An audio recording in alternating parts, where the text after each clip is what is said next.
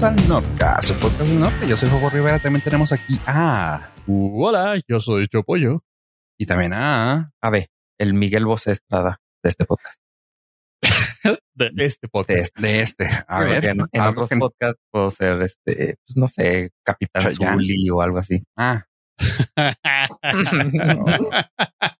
¿qué? sí, de hecho, estás en camino, güey. No, ya A lo ver. intenté, ya lo intenté. A ver, ahora yo soy el que te va a preguntar. Comenta, desarrolla esto. ¿De qué? ¿Del aquí? Capitán Zully o De- de Miguel Bosé? Vamos por partes, todo. Bueno, voy a empezar por mi, el Capitán Zully. A ver, El, puedo ser el Capitán Zully de otros podcasts porque eh, en el Flight Simulator del Xbox eh, ya intenté acuatizar. ¿Lo tenía que hacer? Lo tenía que hacer. Te dan la opción de tener un vuelo pues panorámico en las en varias ciudades. Entonces escogí obviamente la ciudad de Nueva York y decidí hacer la hazaña en el Hudson pero pues me di cuenta que mi, o sea, no pude aterrizar porque el- la aeronave que traía no tenía, pues, que son tren de aterrizaje acuático, pollo, ¿se llama así? Eh, técnicamente el, el del Capitán Zully no traía ten- tren de aterrizaje. No, no, no, no, pero es que es que en el simulador técnicamente este- me gusta. Técnicamente. Eh, esa fue la maniobra. Sí, sí, eso fue. es que en el simulador este, eh, en cuanto detecta que pues acuatizaste, sí. eh, te, te marca Sí, como crash. Entonces se, se pone, se va negro y te dice reiniciar. Entonces, pues lo intenté, pero no logré acotizar en teoría. Bueno, a lo mejor en teoría sí, pero pues ya en la práctica no, creo. sí, técnicamente sí lo lograste. Ajá. El- la situación es que quizá no hayas salido de la mejor manera. Sí. Y también volé abajo de un puente. Porque, se podía. Sí, en tercera persona es bien fácil volar. lo tengo que intentar alguna vez en la vida. Volar en tercera persona. sí. Oye, pues cuando hay algunos aviones que te muestran así atrás en la pantalla, ya ves que traen una Sí. cámara como en la colita atrás, y se ve en Ujú. tercera persona. Sí, de hecho, sí. Pero como pasajero, no sé si como piloto funciona igual. Probablemente no sea la mejor opción, pero no está descartado. Pero pues ahí la tienes. Eh, sí, la bronca es que el margen de error puede ser muy poco. Muy poco, pero con que haya margen de error. Ya es malo, ¿no? Ajá. No, no, digo, todo tiene margen de error en esta vida. No somos perfectos, somos perfectibles. Nada más el capitán Zully sí lo es, pero Ah, creo que le faltó presionar el botón de ditching para que las compuertas del avión se cerraran. Digo, no estoy muy seguro. Creo que fue lo único que pudo, le faltó así dentro del procedimiento. pero ¿qué hace ese botón? Lo que hace es que te cierra todas las válvulas y eh, del- de la mitad del avión hacia abajo para que evite que entre agua más rápido. Ah, ok. Sí, porque en la película se ve que en el centro de volar. Sí, no, no, y de hecho, pues abren la puerta y empieza a inundarse. Y aún así el avión flotó durante muchísimo tiempo. Sí, esa es una, sea, una característica de los aviones que puedan flotar o fue pura suerte. Eh, lo que pasa es que fue un acuatizaje perfecto. Ah, entonces el aire man seguía ahí en El del- avión, es que el avión tocó de tal forma que ninguna de las superficies hizo palanca para que se retorciera y capoteara. Mm, Entonces el, el avión mantuvo su estructura y su integridad, lo cual ayudó a que no subiera. Ajá, sí. Oh, Sí, porque al final del día, pues hay, hermetismo, ¿no? Que debe traer abajo. hay, hay zonas de, de con grandes superficies con aire y pues eso crea la diferen, las diferencia de densidad y pues ayuda a que el avión flote durante más tiempo. Dijo Buzz Lightyear. Eh, ¿Qué? ¿Caía con estilo? Este se hundía con estilo. Sí. Y sí se hundió con estilo. O sea, flotó. No, no flotó. Se hundió con estilo. Y de hecho cayó con estilo. Cayó. No, no, el señor Zully, güey. Mi respeto. Sí, porque se le apagan los dos motores. Pues, Desde que se le apagan los dos motores estaba cayendo. Es, el señor cae bien. Ah, Gracias, contrataciones. porque es cierto. Sí le sabe. Sí. Y ahora pues ya tu siguiente trabajo va a ser replicar con precisión su maniobra. Sí, pues es que está bien fácil en el simulador. en- bueno, no. Los eh, en la película dicen que todos los, los intentos en simulador fallaban. Yo voy a ser el primero que lo va a lograr. Aunque tenga que hackear el sistema. Mm, No sé cómo, pero voy a tener horas para intentar. Por eso voy a ser el capitán Zully de cualquier. Si usted tiene un podcast, llámeme. Soy su capitán Zully, el que usted necesitaba para su podcast. ¿Quién era el otro? Miguel Bosé. Ah, ok. Ah, o el copiloto, ¿te refieres? No sé. No, Miguel Bosé. Eh, Miguel Bosé, porque tengo unos audífonos Bosé, como son de Miguel, ¿no? Como lo Gucci o lo Versace, es de Donatella Ah, y todas no, personas. Se te fue el, se te fue el chiste, güey. Entonces, eh, Gucci, pero pues son de Miguelito. Ah, sí, se nos fue, dijiste. Entonces, Sí, no entendí ni madre. Entonces yo supongo que son de Miguel Bosé los audífonos y eh, les tuvieron un error eh, que ya no les funciona el micrófono a un, a un parecito que tengo. Entonces dije, oigan, quiero ver si tengo garantía. Entré a la página, chequé con mi, el número de serie de los audífonos y me dicen, no, o sea, ya no tienes garantía, ya no te podemos hacer nada, pero te podemos dar la opción de un 30% de descuento en un modelo similar lo cual he aquí mi descubrimiento y quiero hacerlo público para todos los que nos escuchan, que si ustedes tienen un par de audífonos, aunque funcionen más o menos, o viejitos, pueden entrar a la página y ponerle ahí como que ya no funcionan y te dan 30% de descuento que pues, es gratis. Entonces no, para cuando no tienes garantía te dan un descuento entonces, pues ya puedes ahí encontrar una manera más económica de buscar un reemplazo de tus audífonos. Ok. Es una muy buena recomendación. Ahí se los dejo al, a su consideración, A nuestros no listeners. a costo, bueno, no, al 30%. al 30% nada más.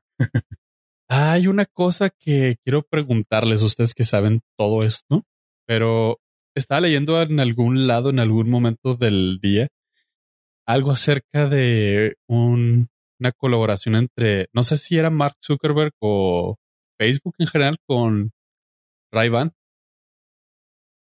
Vamos a tener lentes, o sea, va, va va a ser lo mismo que, no sé, tipo Google, Google Ocu- Oculus o si era eso.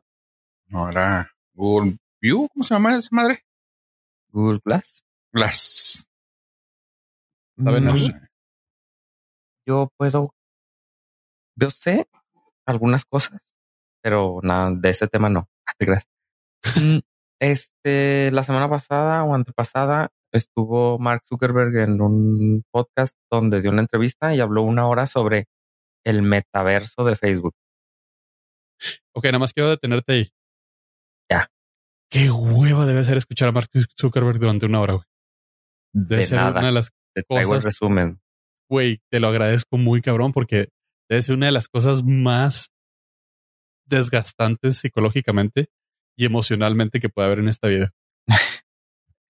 Pero Sí. gracias, continúa, güey. Gracias, te lo agradezco. Pareciera como si lo escuchaba, como si lo hubiera escuchado hace 219 episodios. Así de desgastado está.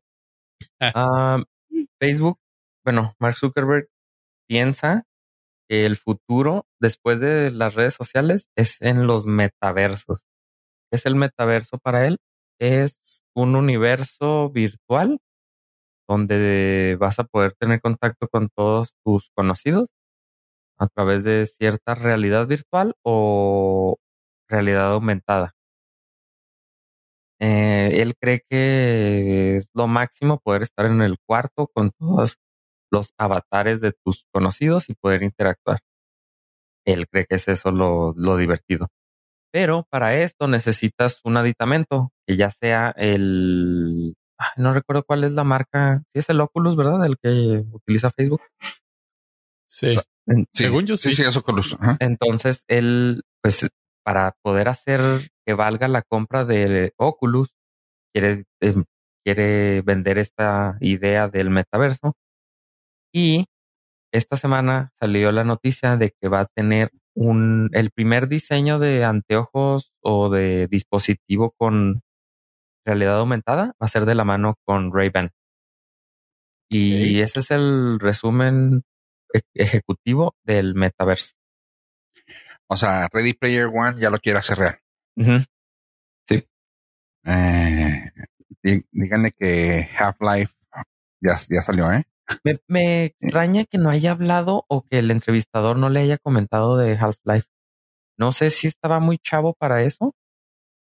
O los dos, sí, o los dos estaban muy chavos o quiso evitar el tema. Pero el entrevistador también, pues no sé por qué no. Podrían elaborar para, no sé, para la chaviza, que como otro, tú. alguno que otro es pistaillo, ¿verdad? Así que no tenemos ni Second Life, idea. perdón. Second Life. Ah, también Ah. Half-Life es todo bien chido. Sí, era otro, güey, pero. ¿Era el, hongo, el honguito verde? No. Ah, Ah, le ese era referencia. Ah, Second Tercera Life es básicamente eso, pollo. Eh, de- cuando salieron, ¿te acuerdas de los Sims? No, no, pero no es para mí, es para nuestros Nord listeners. Ah, no, no, quiero que tú seas, que tú seas el avatar de ellos, güey. Ah, ¿te fijaste? Ah, el Cool y mamado. concatenado ahí. Sí, sí, sí. O sea, que tú seas el papel de los escuchas. Hace tiempo Reciclar. atrás, Oh, claro. este, salió, existían unos que se llamaban Sim, Sims, que eran como simuladores de, de vida, ¿no? Que, ah, que podías tener un bebé, que podías comprar casa, que podías hacer así. Eh, pues estaba padre la idea, pero pues ahí murió. Luego se armó hace ya, ¿cuánto de Second Life? Second Como Life. 13 años. Ah, desde 2003. O ya más, ya casi los 20, güey. Este salió lo que es Second Life y es básicamente eh, el mundo de Ready Player One. Es un mundo virtual en línea que de hecho hasta se llegaba a vender ya, digo, se vendían monedas y todo, o sea, era de puedes vivir ahí y puedes hacer intercambios de de moneda y todo. O sea, sí es algo parecido a esto. Pero pues este señor está inventando el hilo negro y quiere sacar una nueva versión de esto. Second Life también, así de que podía hacer ah, tu avatar y puedes estar allá adentro caminando, te dormías y el día siguiente podías continuar y te podían visitar amigos y cosas así. Estuvo pues chidillo. Ah, según la historia de ello, en el 2013 tenía aproximadamente un millón de usuarios así daily basis, o sea, sin problema alguno. Y fue cayendo poco a poco hasta tener eh, de 800, 700 personas, 700 mil personas ya conectadas. Estaba, estaba más que nada metido ah, para gente de 16 en adelante. Pero pues de ahí en a- pues no, no pegó, no tuvo ese impacto que, bueno, sí lo tuvo, pero fue disipándose poco a poco, pues ya habían otros juegos y como no tenía ninguna meta en realidad de tenerlo, o sea, nomás era un open map y podías tener tus propiedades y podías comprar, si tenías, si trabajabas y esto, pues era una vida allá adentro, era Ready Player One. Pero se había mucha En- interacción entre las personas. Era como una red Sí, sí. social en- con avatar. Virtual. Ujú. Ok. Ujú. Qué Así creepy. que ahora, pues, es, es justamente lo que nos está vendiendo este señor ahora. Así Nos que, y lo quiere, padre es que, eh, lo padre es que es open source. En ¿Quién? Second Life. Ya, Ah, ok. Second Life. Así que pues ahora ya lo que quiere el señor es decir, ajá, open source mis nuts. Yo Pues voy a hacer sí, prueba. Pero este güey tiene como un billón de usuarios, entonces como que el ingrediente principal para que algo funcione. Y con que el 10% le funcione, pues, ya es, un, es, es una empresa este, nueva, ¿sabes? Del, de las más exitosas del, del, Ajá. del mercado. Sí, con eso. Entonces es por eso que esta semana salió la noticia de que pues ya empiezan a, salir los rumores de dispositivos que quiere, quiere empezar a utilizar o va a lanzar. Tomemos en cuenta que a Facebook no le ha funcionado ningún dispositivo de hardware que ha tenido. Intentó con un teléfono celular, luego Ah, intentó con los ah, asistentes digitales y tampoco pues no, no, no le ha funcionado ningún hardware hasta el momento. Gracias a Dios. Afortunadamente. También tenían, creo que unos globos para internet.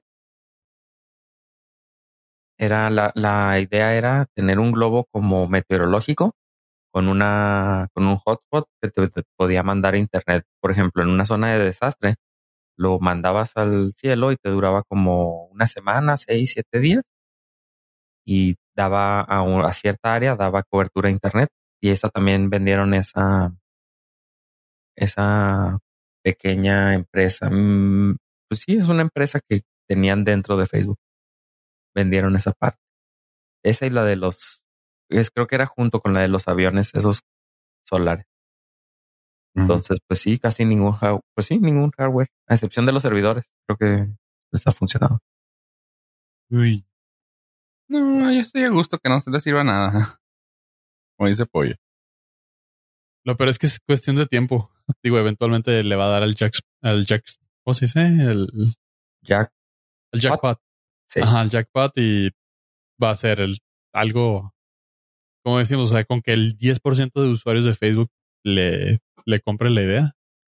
Sí, pues la Pues- ventaja que tiene ahorita es de que tiene dinero para estar haciendo pruebas y con que le funcione uno. La desventaja es de que pues ah, no, no es la empresa que todos confiamos.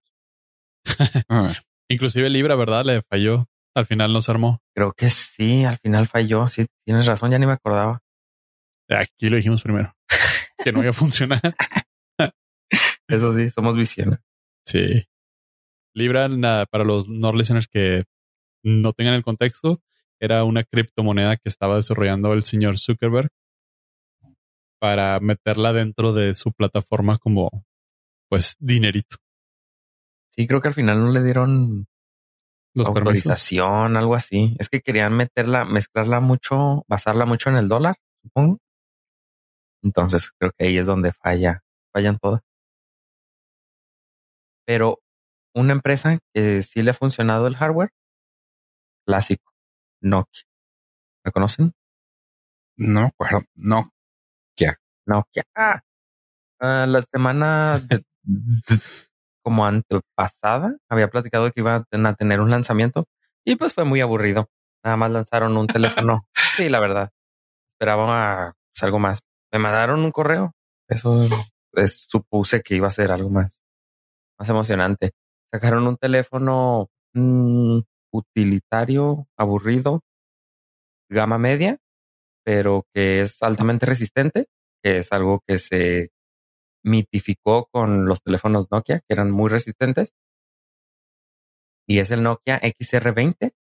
Tiene un costo de 550 dólares y tiene Android 11 y, dicen que tiene la resistencia, la mayor resist el, el cristal más resistente del Gorilla Glass y pues que prácticamente no es indestructible, pero sí te va a aguantar muchos, muchos golpes.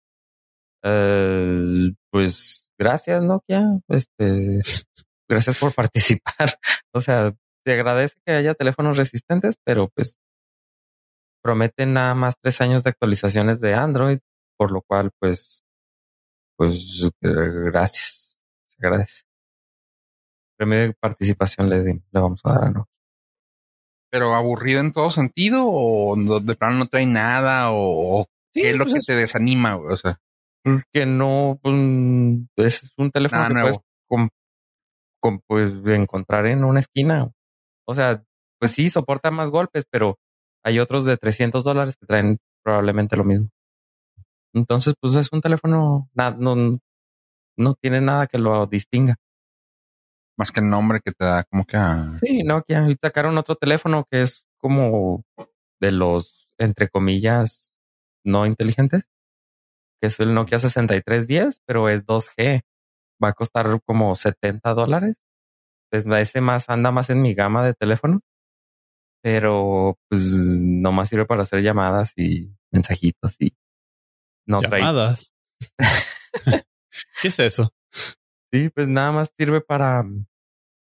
Ni siquiera trae un una pantalla táctil, entonces es de los de juguete. Ese, ese todavía me llama más la atención porque nada más hay nueve teclas numéricas. Old school. Ajá, sí, esa me llama más la atención. y cualquier otra, otro, entre comillas, smartphone. Ya Ese va a ser el clásico teléfono que vas a necesitar tener para poder marcarle al 071 y cosas así que tu celular normal con plano tiene saldo. Ándale, Con ese sí vas a poder.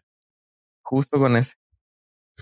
Nomás le pones 20 pesos y puedes hacer este milagros con este teléfono. Y llamas a tu buzón de voz. Chale. Dolió. Ah, referencia del episodio pasado.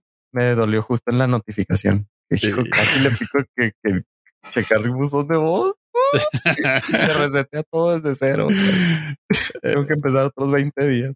La misión en nuestra misión como tus compañeros de podcast es hacer que caiga, güey. que le dé clic. Que le das clic, güey. Sí, que cheque mi buzón de voz. No, ya llevo siete días, entonces espero. Pero lograr. Hay una forma directa de poderte dejar correos de voz sin tenerte que marcar. No me acuerdo cuál era. Se llama mensaje de voz por cualquier mensajería de aplicación de mensajería. O por correo también puedes dejar un mensaje de voz. Mm, Me puedes Oye. mandar un cassette a mi casa, a mi domicilio, y es un mensaje de voz, ¿no? Este es un mensaje de voz que estoy dejándole a Ave del futuro, güey.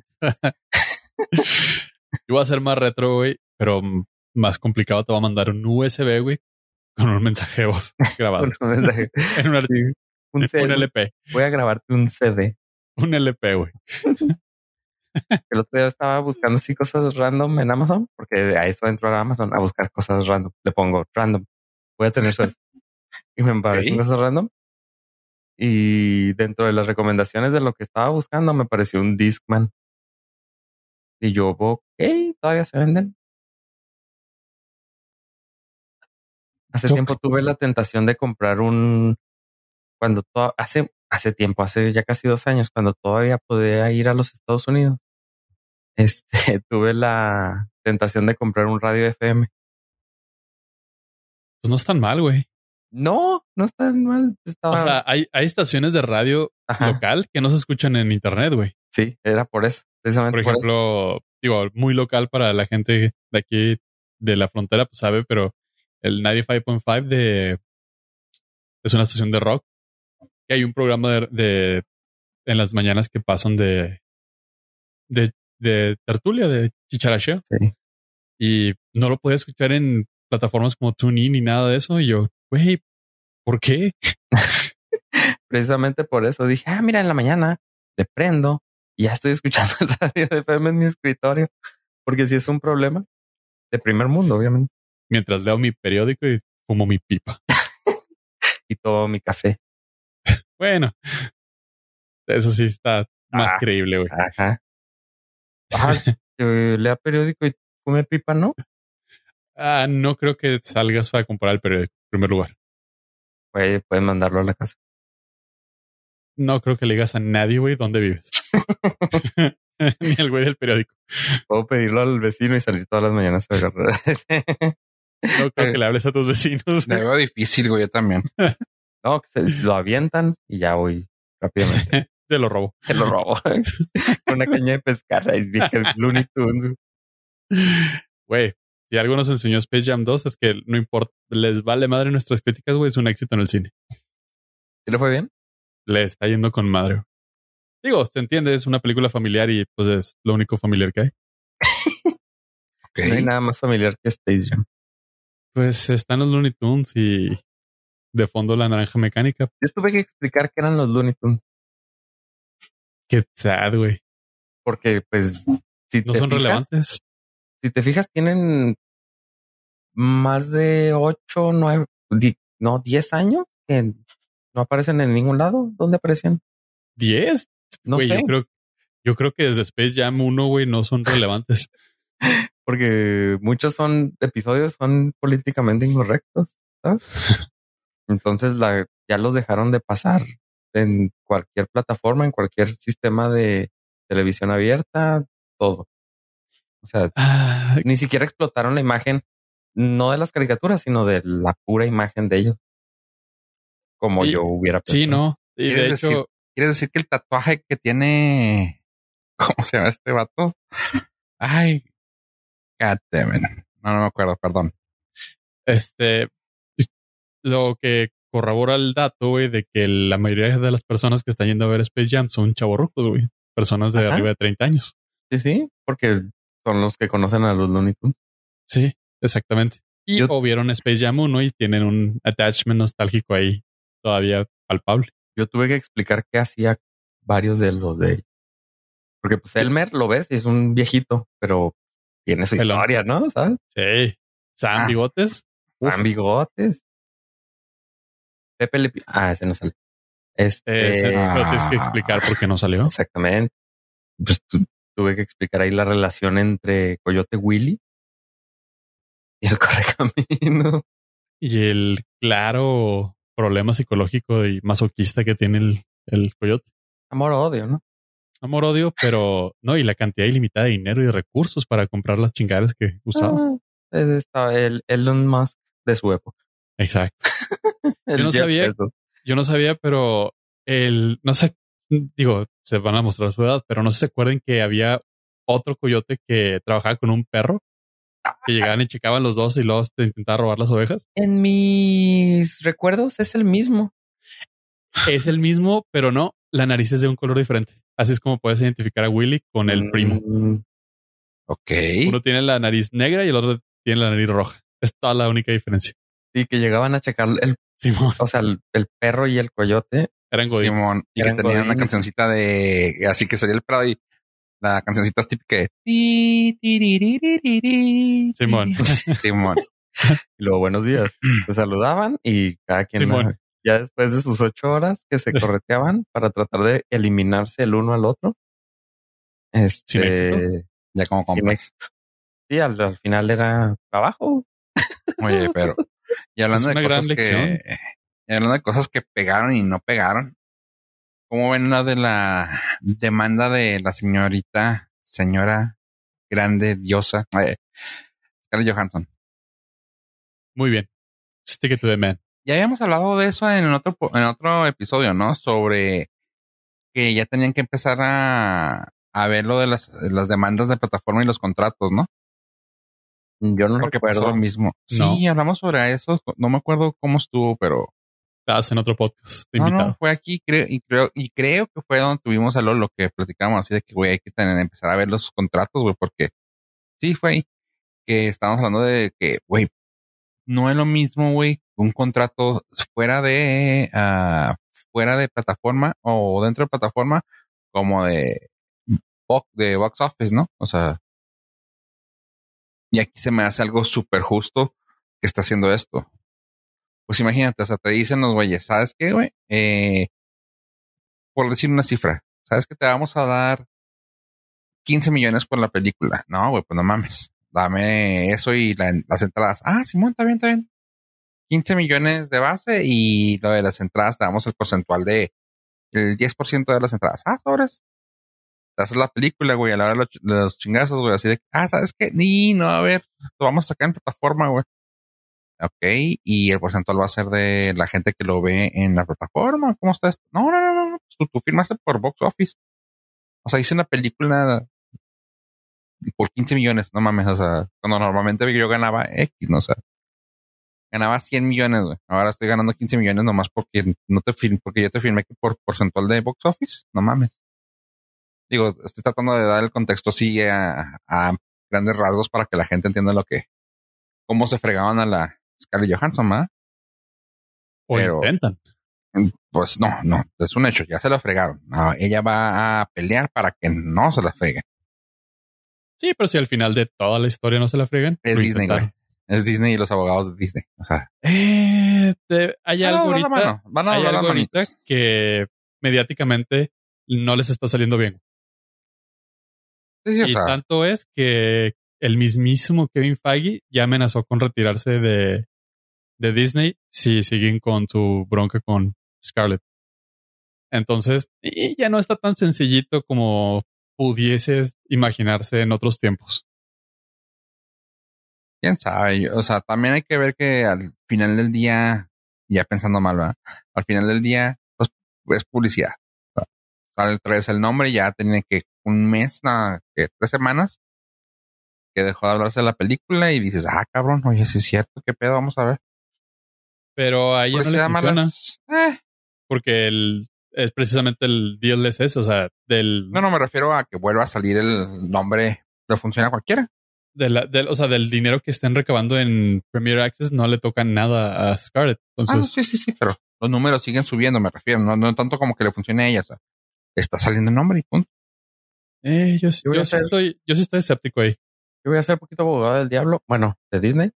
Y este, yo digo que sí fue error de poquito de ella.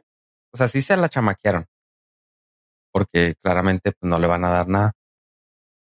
Pero pues sí fue error ahí de negociación de contrato. Siento No, que ella debió de haberse protegido más. Y pues si lo firmó, pues lo firmó. O sea, Es que por lo que he podido averiguar de acuerdo a, la- a los mensajes directos que he tenido con Scarlett. Ay, no, con este, con su esposo. Con su esposo. Uy, sí, no, sí, estaría chingón. con Colin Jost. Este, cuando le avisaron, porque le notificaron así, como, güey, va por Premier Access, güey. Ya no le contestaron, güey. La, o sea, l- la dejaron en visto durísimo, güey. Entonces fue cuando la morra empezó a buscar acción legal. O sea, ni siquiera hubo una negociación, güey. No, pero es, es que ese, ese Es que el contrato, ya- el ya- contrato no, me imagino que Fue no antes. especificaba. Eso es lo, ajá, es, la- eso es lo que estamos, es lo que te digo, que ese tipo de trucos que se hacen, güey, son, pues, son viejos, güey, y acá pues también, como, estoy totalmente de acuerdo con lo que dices, o sea, no lo pensaron, pero es algo que no pensarías, es de que, güey, pues es que la opción está ahí, güey. O sea, ahora va a tener que existir una cláusula que diga de box office o de premier o de entradas o de vistas por cada vista. No sé, güey. O sea, ahora se va a tener que negociar eso. O sea, por vista en plataforma y por entrada pagada. Ahora, Sí. siendo realista, pues Scarlett no tiene absolutamente nada que perder ya. O sea, su personaje está literalmente muerto. Si ella no vuelve a trabajar para Disney, no pasa absolutamente nada en su carrera. Ya no va a trabajar más nunca en Marvel. Su personaje ya está más que muerto, enterrado y abandonado. Entonces dijo, va, o sea, ¿qué más hacer? ¿Bloquearme de Disney? Bring it. Sí, no, pero, pero está bien, güey, porque si marca un precedente, pues sí es algo muy gacho, güey. O sea, sí están jugando con el, pues con el dinero de alguien, güey.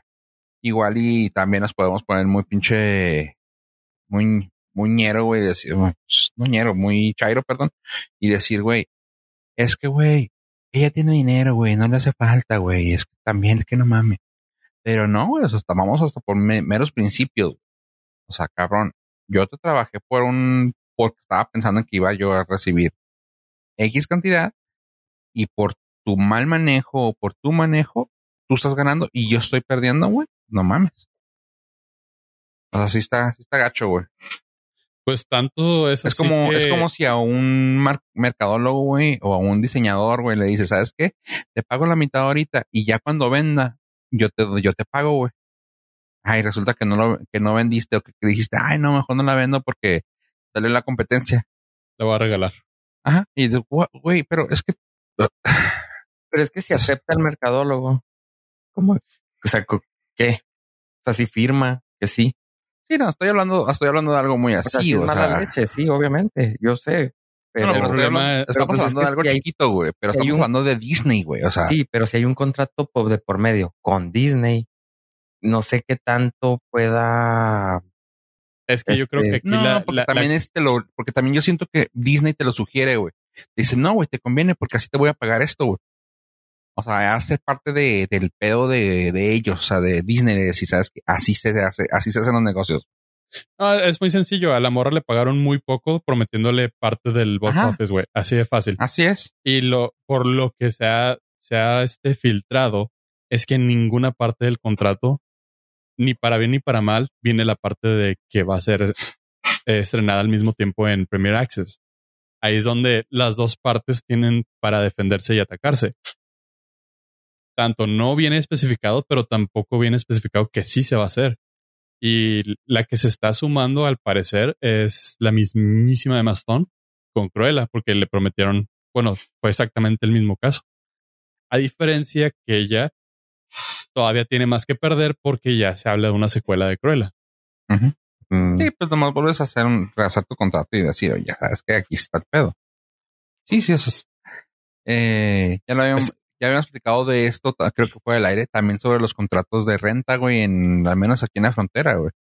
Ya hay muchos lugares en, bueno, en eh, México en sí, que ya incluyen los contratos de renta, güey, un plan pandemia, güey. De sí, o sea, no, bueno, no, una cláusula pandemia, no un plan.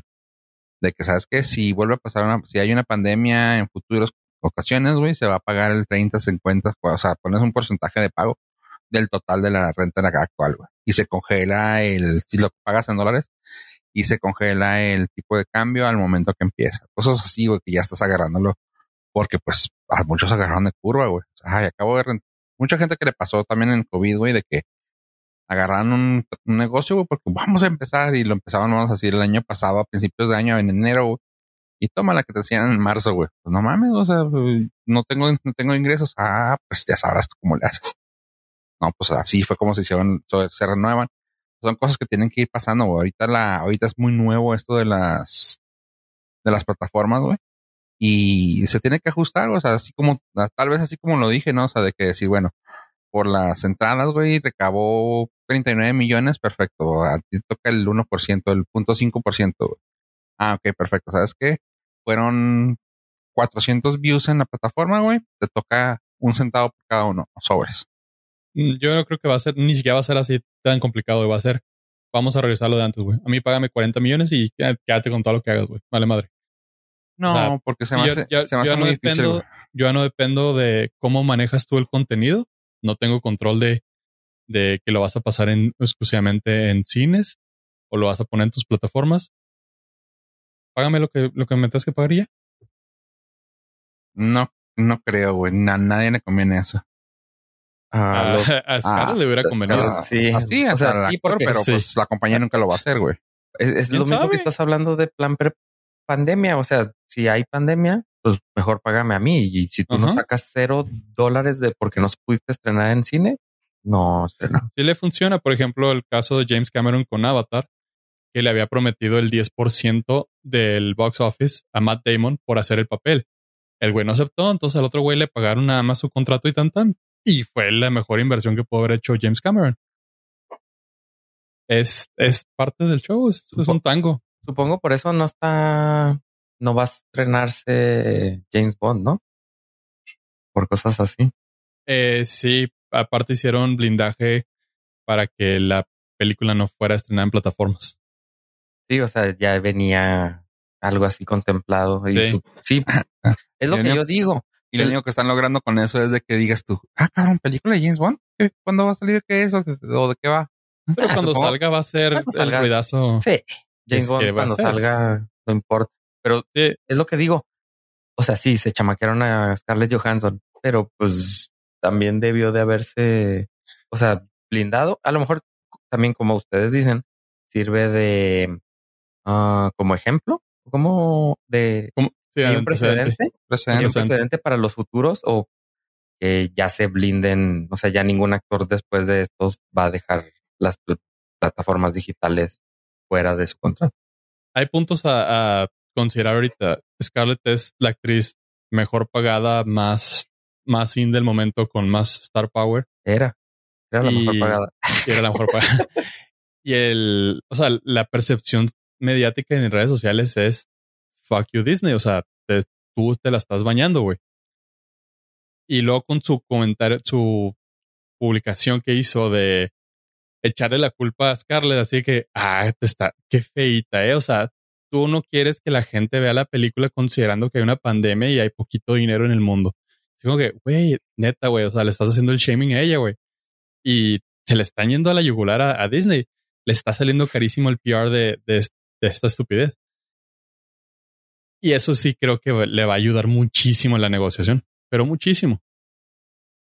Así, ya, güey, a ver, vamos a llegar a un acuerdo, saca un statement de que estamos chido y avancemos. Ya dejamos esto como precedente. Pues Y pues, ojalá, güey, porque. Porque si. No. no sí van a llegar a un arreglo, porque lo sabemos, y también van a llegar al punto de que ya eso se va a arreglar de aquí a futuro, güey. Gracias a que Scarlett sí se movió, no como Amazon, que no más hizo ruido. No, pues ella no hizo nada de ruido.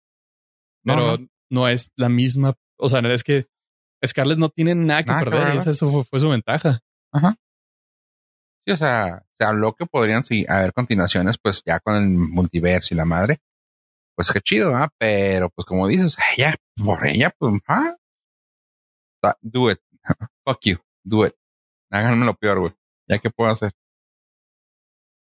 Pues no, sí se van a arreglar, güey, porque también con Kevin, Kevin Feige, si Kevin Feige ya está apoyándola, güey, pues ni modo, güey. Ni modo.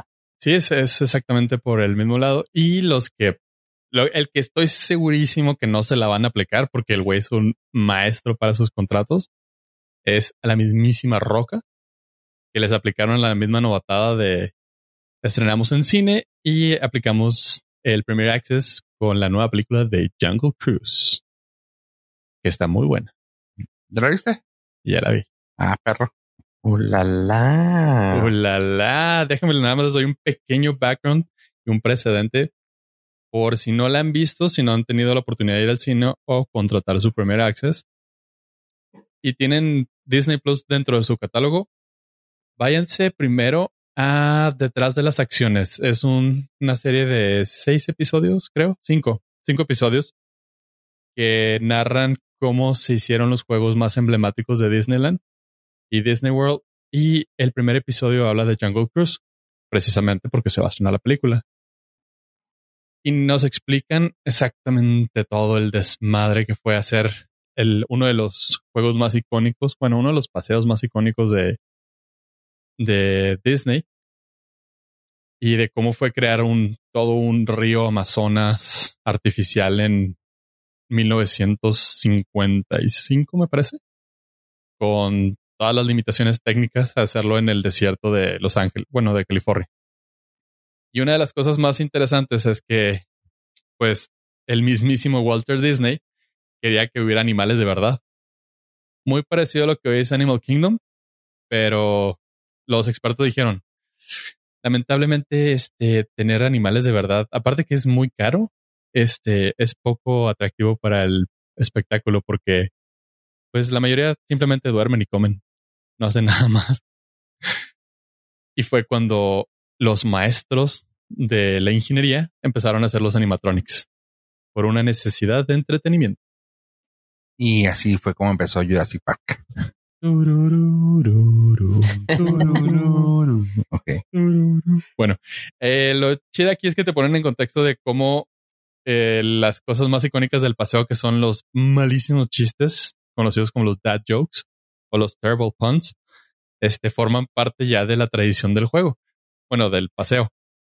Y todo eso, o sea, las partes más icónicas del recorrido las trasladan a la película y dices, ah, qué chido, o sea, entendí esa referencia, entendí esa referencia.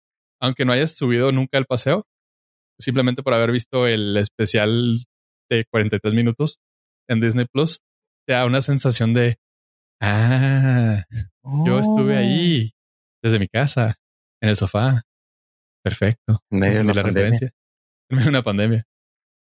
Este, nada más una anécdota que se me hizo muy graciosa del, del paseo cuando a las semanas de haberlo inaugurado, Walter Disney se sube para ver cómo había estado y el maquinista estaba tan nervioso que le puso máxima potencia al, carrito y el recorrido que eran 14 minutos se lo aventó en 7 porque el güey estaba nervioso, o sea, quería que se bajara ya Walter a la chingada.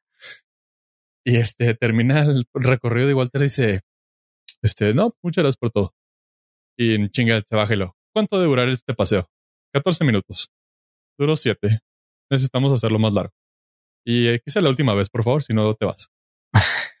Digo, pues sí, güey, o sea, ¿cómo le haces eso al creador de todo este desmadre, güey? Sí, no mames. Qué cura. Ay, lo voy a ver, lo voy a ver. Gracias por el tip. Sí, está chido. Pero bueno, habiendo dicho eso, la película, ¿alguien más la vio en aquí en este podcast? No sabía que era requisito, pero La oportunidad. No es requisito, pero te suma la experiencia. No, no, me o sea, digo, no, no sabía que era requisito para estar Vamos en a el hablar de ella podcast, hoy. hablar, ajá, Ah, pero sí la vi, pero me hubiera gustado haber escuchado este episodio para ver esa, eso que dijiste. Porque creo que sí, sí me acuerdo de cuando fui al Jungle Cruise, pero me hubiera gustado una refrescada de de recorrido, agua. nada más. Yo sí la oh, Sí, nada más del recorrido. Eh, ¿Qué te pareció la movie antes? Porque ya hablé mucho. Eh, está chida, entretenida, pero creo que no dejaron un espacio para una segunda parte. Se me hace raro. No sé, pero es- se me voy a resumirlo como un es, es que cuando vi el, el póster se me figuró totalmente Mary Poppins, porque está Emily Blunt. Emily Blunt, pero Yep. resultó ser un Indiana Jones mujer, creo yo. Sí. Sin spoiler ni nada, pues se ve en el póster, es una Indiana Jones mujer, lo cual es, está chido. Sí está, sí está. Me recordó cuando vi de chico Indiana Jones. Entonces, Ay, qué chido. sí, sí, sí me gustó.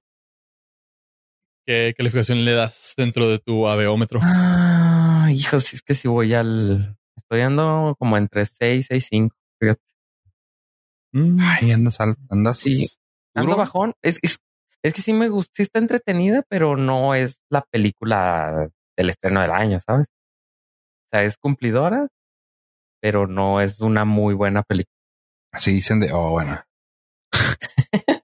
También le dan 6-5. Sí, tiene mucho, mucho plot twist que te agradece. Está, está suave, está suave, pero no es, ay, no mames, tienes que verla. Sí, La no, voy a no ver entonces, no. nomás para ver qué pedo. Y ya la próxima semana les digo. Sí. Yo, yo estoy un poquito más arriba que tú. Este, yo sí le daría un. Híjole, a mí es que sí me, sí me gustó. Creo que la experiencia del, del documental le, le aporta Sí, mucho. Se me hace que eso sí te ayudó. Yo la sub- sí le doy un 8, güey. Oh, caramba. Sí, me entretuvo mucho, güey. O sea, la puse por este entereza periodística y me quedé por fan, güey. Yo la voy a ver al revés. Voy a ver primero la película, luego la, se- la serie para ver como por qué. Y a ver si le doy la misma puntuación. Voy- a ver, pero la serie va a ser de la Segunda Guerra Mundial. Pero la voy a ver al revés. Voy a empezar de cuando se termina. Oh, caché. Este, esta, la verdad es que yo esperaba muchísimo menos de la película y esperaba un, pues, una historia muchísimo más básica. Y tuvo varios giros de tuerca que me sorprendieron. No los vi venir. Sí, Y me gustó. interesante. Sí, me gustó, me, me sorprendió. Y pues no está tan descabellado. En el tomatómetro, la- los críticos fifís, así de los de Alcurnia, dieron 62. Pero la audiencia, como yo, la banda, la bandera, los de a pie, dimos 94. Ay, güey. Ah. Entonces, hay mucha, hay mucha disparidad de, de calificaciones. Yo me quedaría en un muy buen rango medio, que sería un 8. Muy recomendable para toda la familia. Así, eso sí.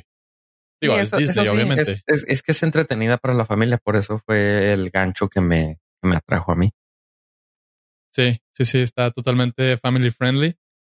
Y no sé yo por qué en algún momento no se me hacía que La Roca y, bueno, Dwayne Johnson y Emily Blunt tuvieran así como que mucho click en las, pues en el junket y todo eso. Pero en la película funciona chido. Sí, en el póster es así totalmente ¿por qué se les ocurrió eso? Ah, no, no cuadra, güey. Bueno, No. a mí me, me daba la impresión de que no cuadraba absolutamente nada. Sí. Y decía, pues no, o sea.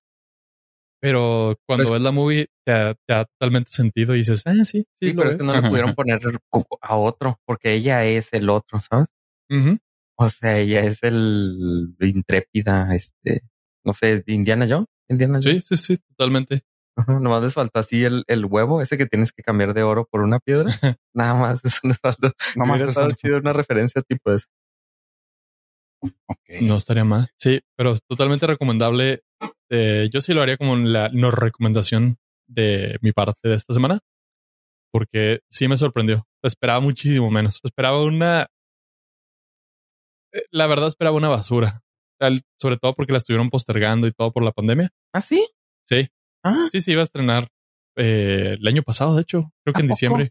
Sí, ok. y tanto eso como creo que el, que el mismo Wright tuvo problemas y se hizo mucho Sí. ruido sobre eso porque creo que se descompuso con gente y que luego la película también iba a estar fea. Hubo mucha mucho historia ruidito. rara, ajá. Sí, tuvo mucho ruido a su alrededor. Ok. Pues no, yo no estaba nada influido. A mí me se agarró de sorpresa ahí en Disney Plus. También a los que se quedaban ahí en el en. El ride. Sí. mí- yo como los del ride me agarró de sorpresa. O sea, apareció y dije, ah, ok. Familiar. También los que Cool. fueron comidos por los leopardos. Ah, Fíjate, algo que, algo que fue muy curioso. Dura dos horas y no la sentí. Eso No. sí. No se siente en ningún nada. momento las dos horas. No te cansa. No, Eso sí. avanza, es que avanza muy bien, avanza inesperadamente en muchos. Cuando yo creo que se, se empieza a volver predecible, ¡zas! Sí. Madrazo. Sí, sí, sí, sí. Y tiene mucho plot twist, lo cual se agradece para las dos horas porque deja, no deja de que te, que te aburras. Oye.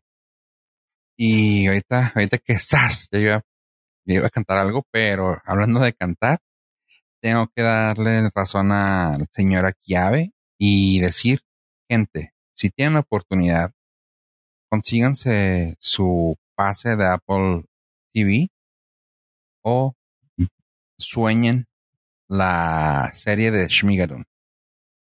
Ah, ¿la empezaste a ver?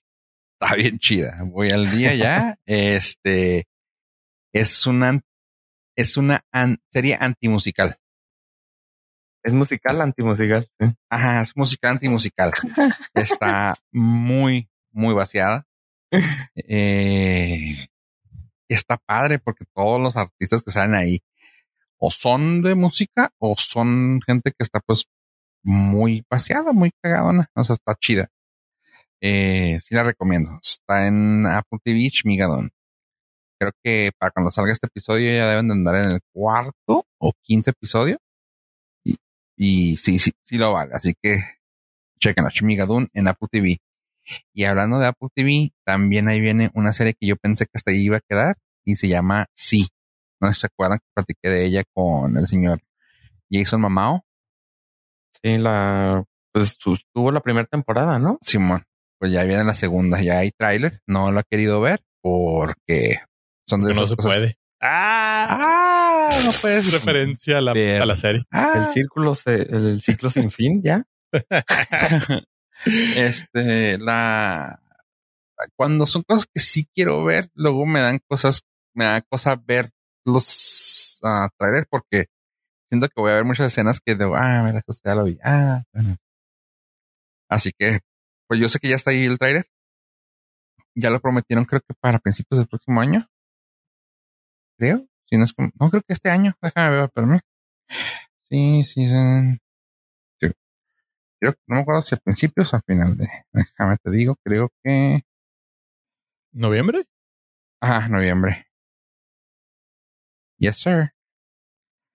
Ah, Bueno, es que siendo justos en tiempo de pandemia, noviembre Sí. puede representar dos años o un día, güey.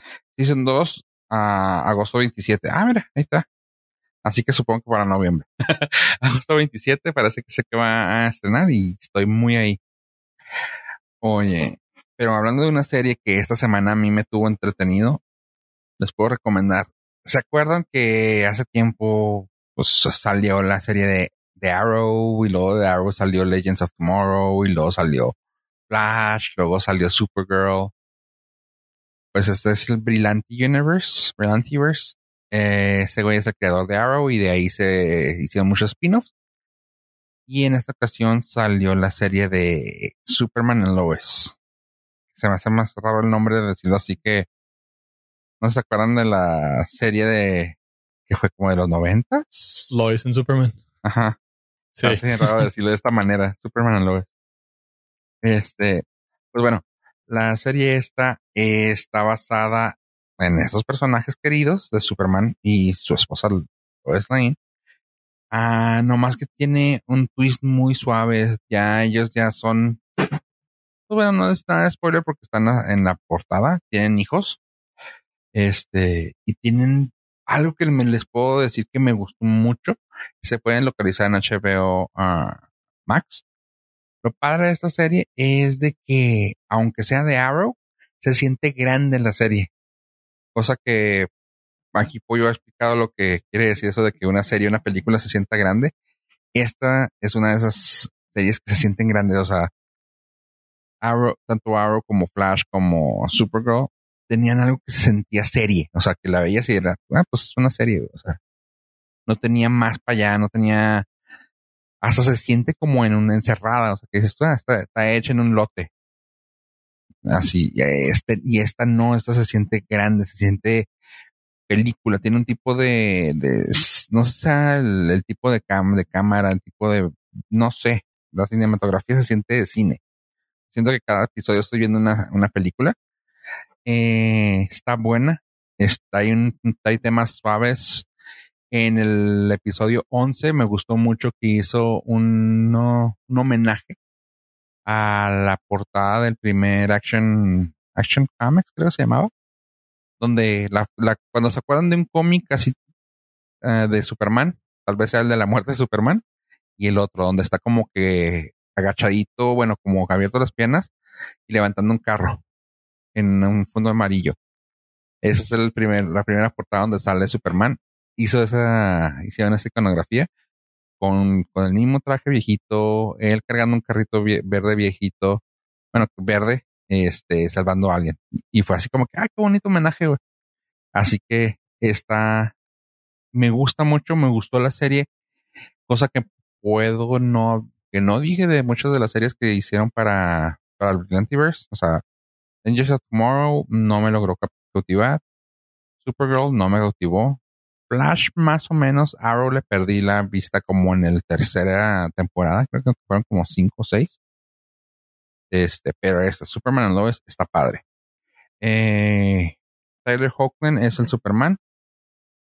Y si no se acuerdan, era el compa lobo mayor de Teen Wolf. Ese vato es, así que. Y la otra es la esposa del que salía en Grimm, o la novia de Grimm la serie también. O sea, son pruebas que han salido en series. Y está chida. Está muy, muy padre, muy entretenida. Eh, si le tengo que dar alguna puntuación, le daría un, un 8. Sí está entretenida. Salto. Ajá, está suave, está entretenida. Sí, está bien ah. calificada en IMDB. ¿Quién es? ¿Eso? Ah, mira. Este. Y. Oye, Pollo, tú también traes algo que quisieras saber. ¿Para dónde va? Pues me interesa tanto el que la narra como el personaje del que van a hablar. Es una recomendación para las almas viejas y los que les interese la historia.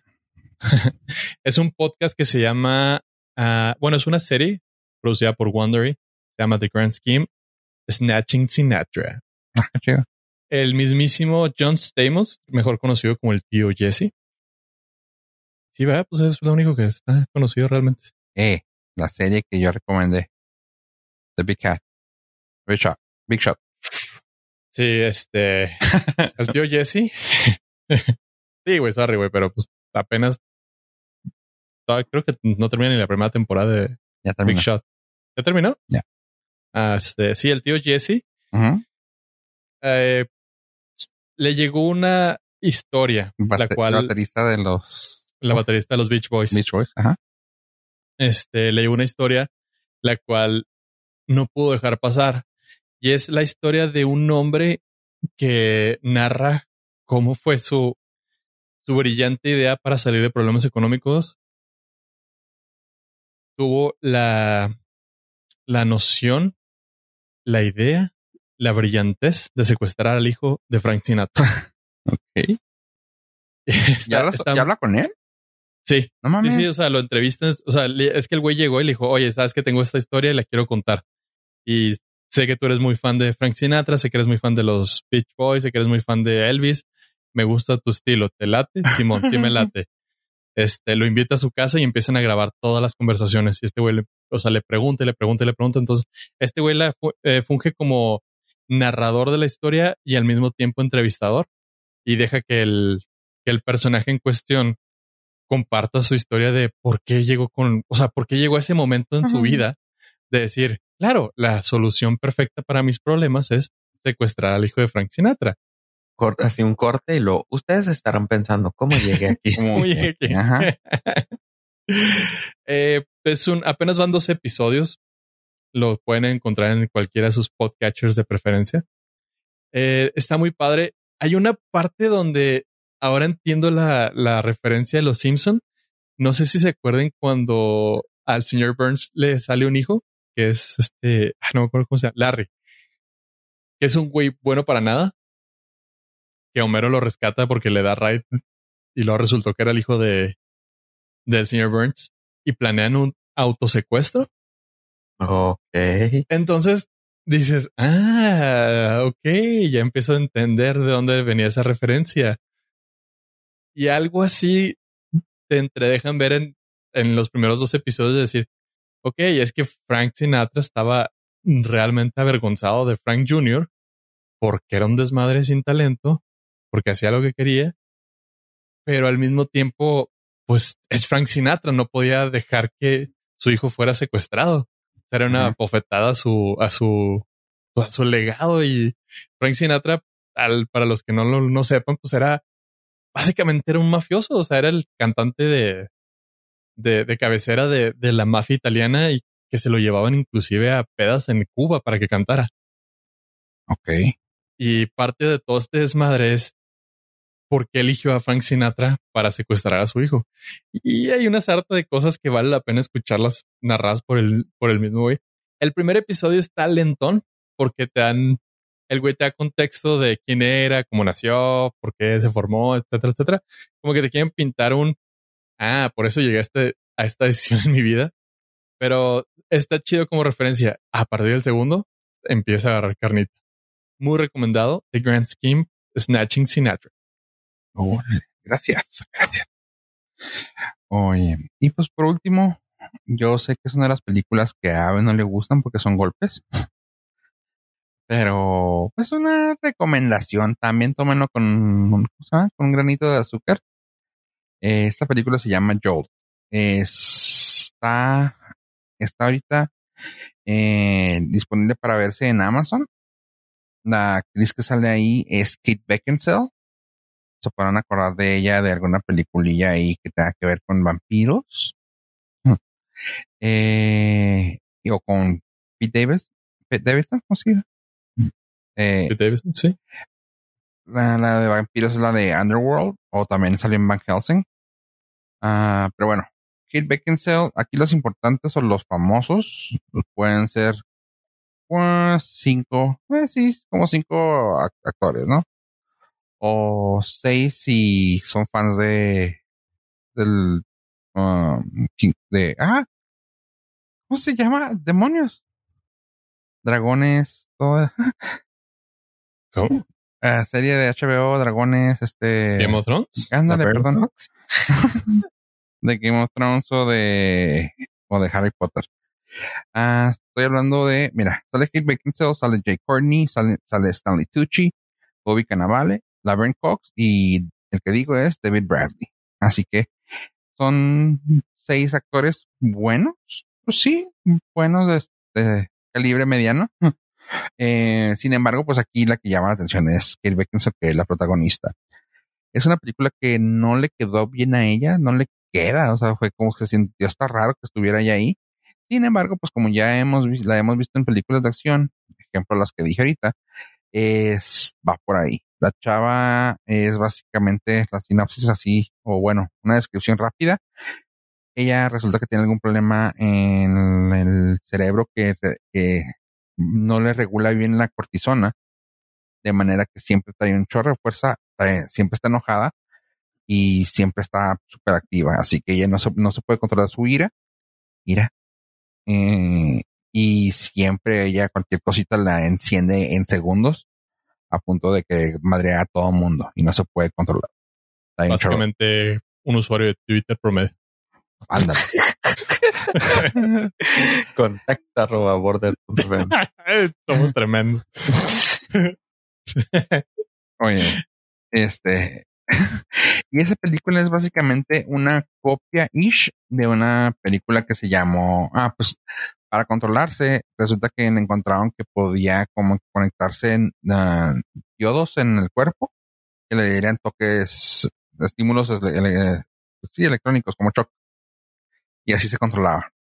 Ah, esta película, pues si le suena, puede parecer a una que fue pues supongo que basada porque está muy parecida a la película de Statham que se llama Crank, que sa- salió Crank 1 y Crank 2. Pues aquí esta película es muy, muy parecida.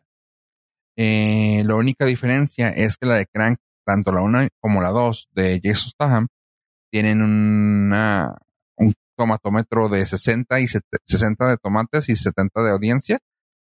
Y entre las dos más o menos están igual. Y aquí la diferencia es que esta está en la mitad justo. Está en 39 y 39. Así que, como les dije, tómenlo como es. A mí me entretuvo. Eh, a mí lo que me gustan de las películas de acción es de que, pues, no tienes que estar viendo como que mucho el plot. Está chida. Ves, aquí lo que me gustó más, e insisto, a, a lo mismo de la vez pasada, me gusta ver mucho a mujeres haciendo películas de acción, que no hay las suficientes. Así que esta va por lo mismo. Aquí a la morra le, le hacen algo y se empieza a soltar madrazos. Y, ¿sabes? Está chida ver a, a esta actriz que también ya tenía rato sin verse en algo tan grande hacer esto. Está pasable. No sé si supongo que ya no me hizo caso Abby, ya no la vio esta tampoco. no, no la he visto. que bueno, no, no la veas, porque vas a decir, neta, por eso la vi, pero está chida para mí. Nomás la única cosa es que sale Kate Beckinsale, así que es lo que te puede gustar. Sí, pues lo que tú dices, este, ver este. Eh, mujeres en películas de acción es siempre refrescante. Ujú. Tiene 5.5 en los camaradas de IMDB. Ok, Es- vamos Ajá, a acabar con tu review. sí, o sea, no está tan acá. Eh, pero les digo, sí está padre. Me gustó mucho cómo se ve el look de, de esta chava que teníamos tiempo sin ver. Y pues sí, o sea, es básicamente la película de Crank de Jason Statham, pero en mujer. Está suave, está entretenida, está divertida y la pueden encontrar en Amazon. Así que las dos cosas que les pasé eh, están en plataformas. Su- Superman and Lois y Jolt. ¿Cómo ven, chavos? Yo la empecé a ver, pero sí me quedé como en los primeros 30 minutos. De plano. Eh, eh, fue más mi culpa, no estaba en el mood correcto para verla, pero Kate Beckinsale es Kate Beckinsale. Y está chida la película. O sea, está chida verla. actúa bien chido. Los madrazos que tira se ven chidos. Este, creo que estábamos, o sea, pues que la verdad me, está quedando dormido, entonces pues no era el, no era como que el mood correcto para, para esa movie. Este, pero sí pienso darle una oportunidad porque sí se veía, como dices, no es como para echarle mucho coco, nada más es para disfrutar madrazos, como ver una película de Jackie Chan Ujú. Y ya. Y ahorita ya está disponible para, para verse en plataforma también la de Rápido y Furioso, la 9. Y lo estuve viendo de, de varias personas y es una cosa, que, pues tiene mucho sentido. No es una película claramente que vamos a esperar que vaya para competir a los Oscars, pero lo suave de esto es de que es una película que ya sabe que no se va a tomar en serio, o sea, sabe que ya es una burla, por así decirlo. Dijo, ah, vamos a subirnos al tren del mame, vamos a hacerlo chido. Así que exageran todo y está. Vi mucha gente riéndose de las escenas, así de neta, güey. Y pues, es lo que les dije en, en mi, en mi sinopsis, está. Está entretenida, no se la van a tomar de, ay, no mames, no pueden hacer eso con un car, güey. Claramente lo pueden hacer porque lo está en video. está súper estúpida, pero en eso es lo que cae la, el gusto por ver esa película. Es lo mismo que muchas de las películas que a veces reseño de acción. O sea, es lo mismo así de que, güey, exagerada. Esta es una de ellas. De que, güey, come on. y pues, también ya está disponible. Ya la pueden ver. Sí, cuando la vi en, en cuando la soñé, ahora ya la pueden ver en plataformas. Este Rápidos y Furiosos. Si hacen el live action de, de Lilo and Stitch, tiene que aparecer Toreto, güey. Sí o sí, güey. Cuando diga Ohana, güey. Significa familia, lo mandé. Sí, así. Significa familia. La familia lo que te abandona. no pueden dejar pasar ese gag, güey. Tienen que hacerlo. Demonios. Aunque sea un coco que se, que se parezca a él. eh, eh, tiene el mismo feeling, güey. Sí, güey. Sí, mood. El mismo rango actoral, güey. I am, I am Coco. I am Coco. And we're family. Family. Family stick together. Coco. Recuérdame. yo también pensé. El crossover más inesperado del mundo. No, no, no, lo, no lo haría, güey. No, no, no, güey. No, claro que no lo odiaríamos, güey. Lo amaríamos, güey. Y te Sería abrazar la cultura pop y del internet, güey, así cabrón y decirle te amo, internet. Oigan, chavos, ¿algo más que quieran recomendar este episodio? No, ya después de tantas cosas que les hemos hecho pasar a nuestros no lo dicen es darles las gracias por habernos acompañado hasta este momento. A ver, Ah, La familia es lo más importante. Pero hablo con voz grave, güey. Va, una, dos, tres. Ah, así está bien. Arre, pues, gente, esto fue el episodio 219 de su Nordcast. Adiós, adiós.